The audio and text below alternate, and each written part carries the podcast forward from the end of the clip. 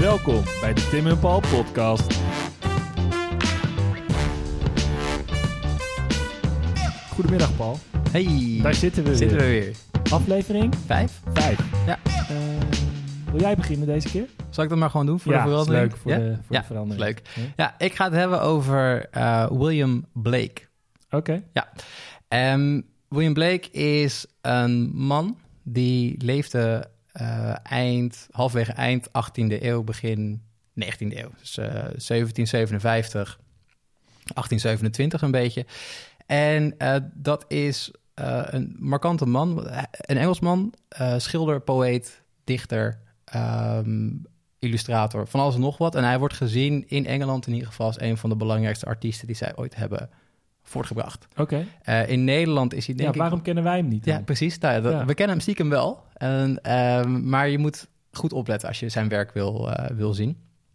Ehm, Blake is een beetje een, een apart figuur, want hij heeft allerlei tegenstrijdige ideeën over hoe de wereld in elkaar zit. Hij is diep religieus, maar heel Ja. erg anti-kerkelijk bijvoorbeeld. Eh, hij is anti-verlichting, maar wel pro-Napoleon, wat heel dubieus is als je in Ja. Engeland woont tijdens de Napoleontische Ja. oorlog. Hij wordt ook gearresteerd wegens verraad en dat soort... eh, en, en, en vrijgesproken daarvan ook weer. Het is heel Ja. vaag.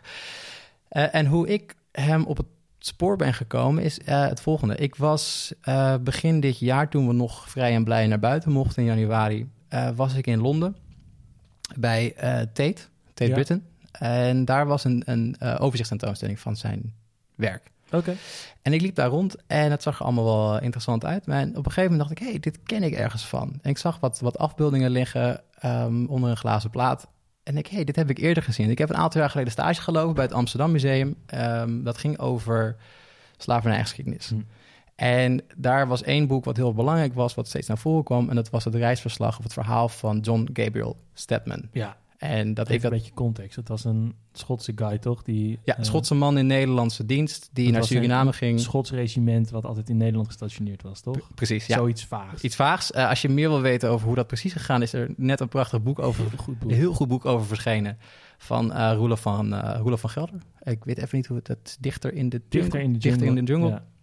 Ehm, dat gaat over Stedman en ik heb, dat, ik heb zijn verslag toen gelezen, vijf, Ja. zes jaar geleden. En er stonden enorme gruwelijke afbeeldingen bij wat er gebeurde met de mensen, de weggelopen tot slaafgemaakten, Ja. als die weer werden gepakt door dit Ja, maar regiment. die tekeningen zijn heel divers, toch? Je ziet van alles. Hij heeft een soort van vastgelegd...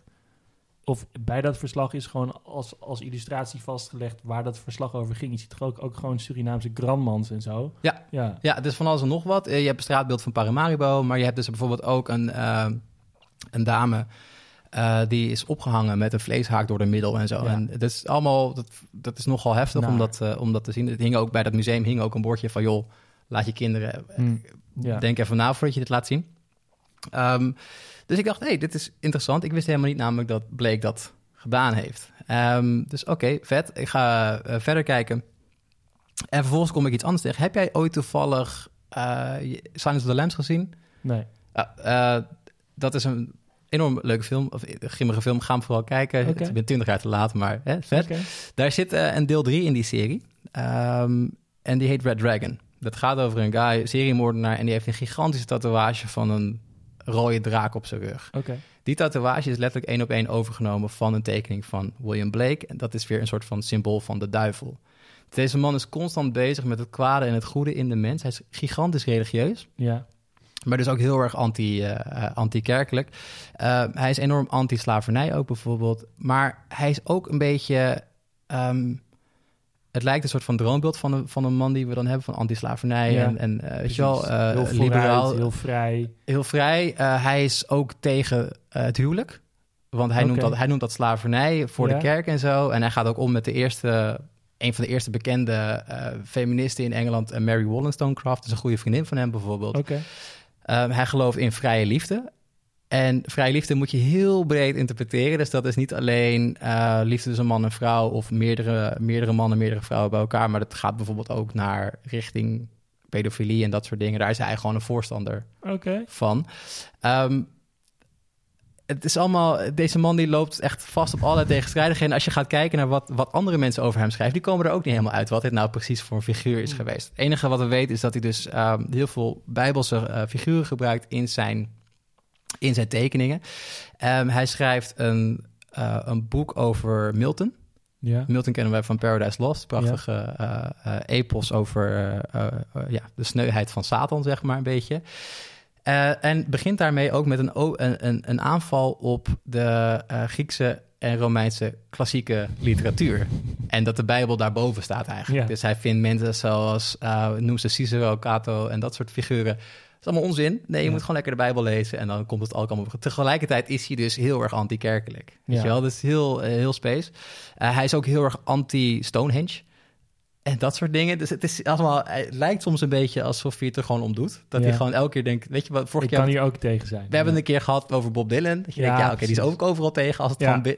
Dit is ook zo'n soort, eh, zo'n soort figuur. Maar waarom vind jij hem dan zo vet? Omdat hij dus eh, boven zijn tijd uitstijgt. Omdat hij dus nergens echt in te vast te pinnen is. Naast dat hij natuurlijk prachtige kunst maakt en prachtige poëzie.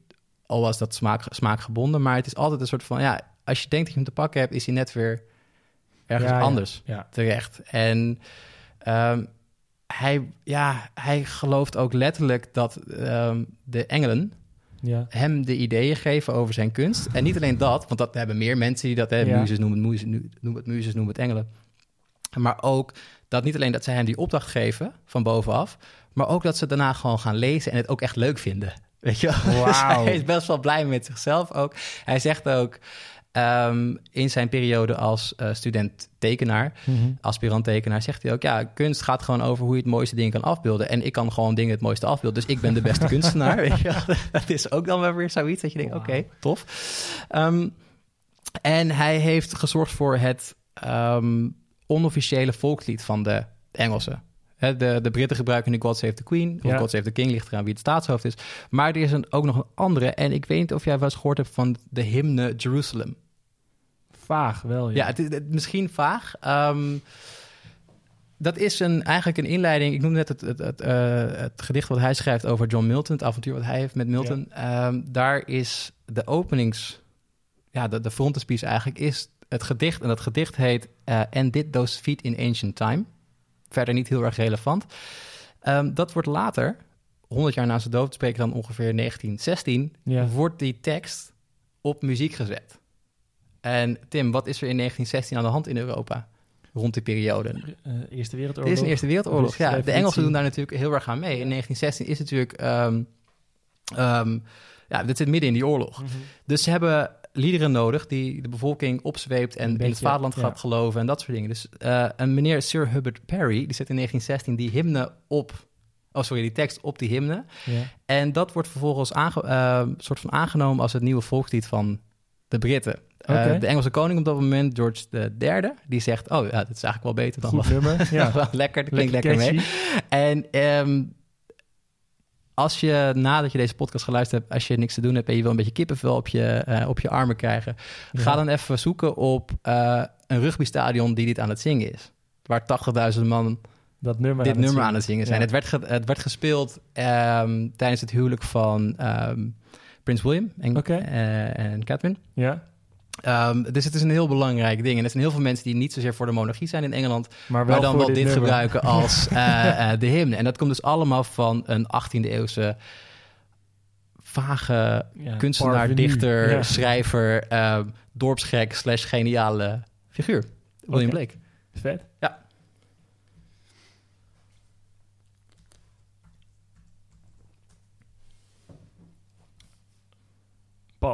Ja. Ik wil jou graag even meenemen naar de 80-jarige oorlog. Oké. En ehm, meer specifiek naar het beleg van Haarlem. Ja. Ehm, en meer specifiek naar in onze ogen de leider van het, het, eh, de verdediging van Haarlem.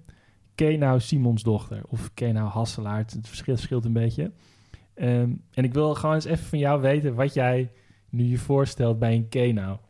Het zijn onaardige, onaangename vrouwen, Ja, toch? Een- ik zie ook een soort van potige grote vrouw Ja, voor me. Die, brede schouders. die shit naar je gooit. Die Ja, gewoon wil ja, vechten. Ja, het shit. gewoon, ja, Nou, dat komt dus allemaal, gaat dat door haar. op deze Kenau Simons dochter. Zij leefde van 1226 12, 12 Sorry, vij- 1526. Ja. Ik lees het even verkeerd voor.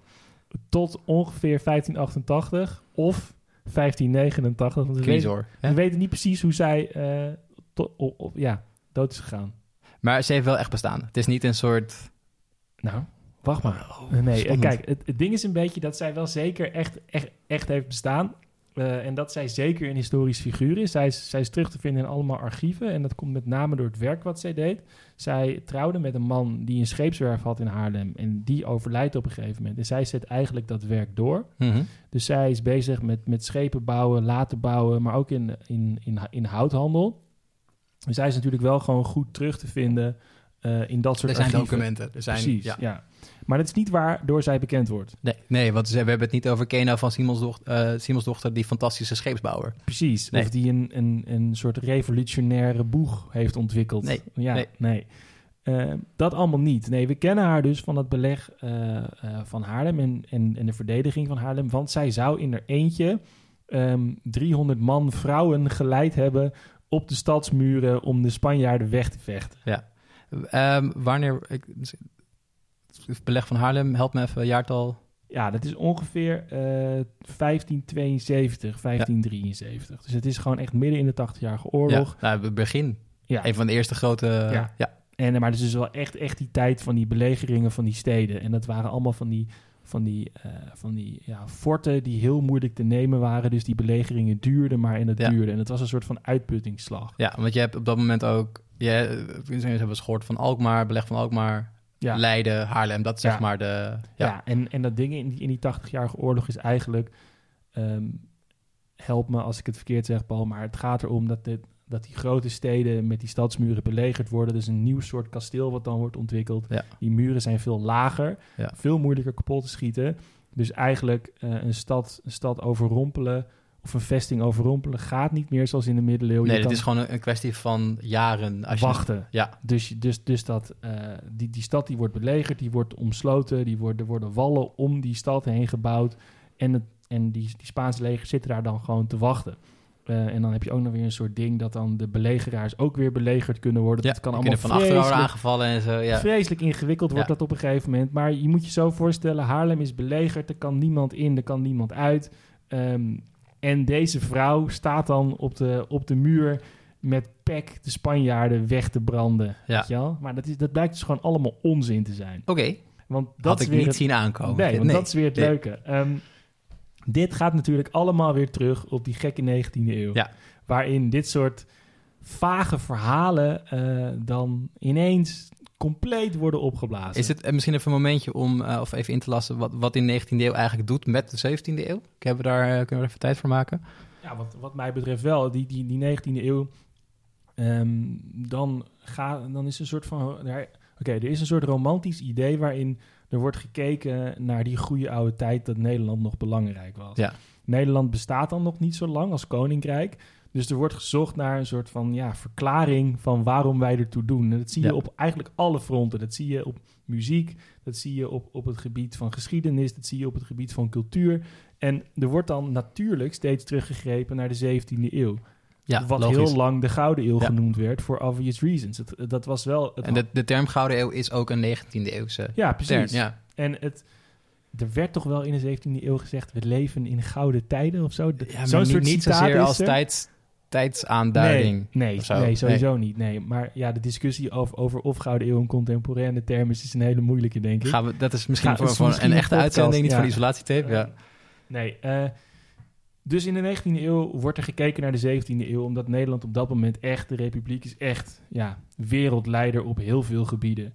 Ehm, en, er wordt dus, en dan wordt ook die Dekselse Kenau wordt Ja. ook van stal gehaald... Om, als een soort van stichtelijk voorbeeld voor de goede huismoeder... en een soort, een soort vrouw die kan opstaan tegen rebellie en tirannie.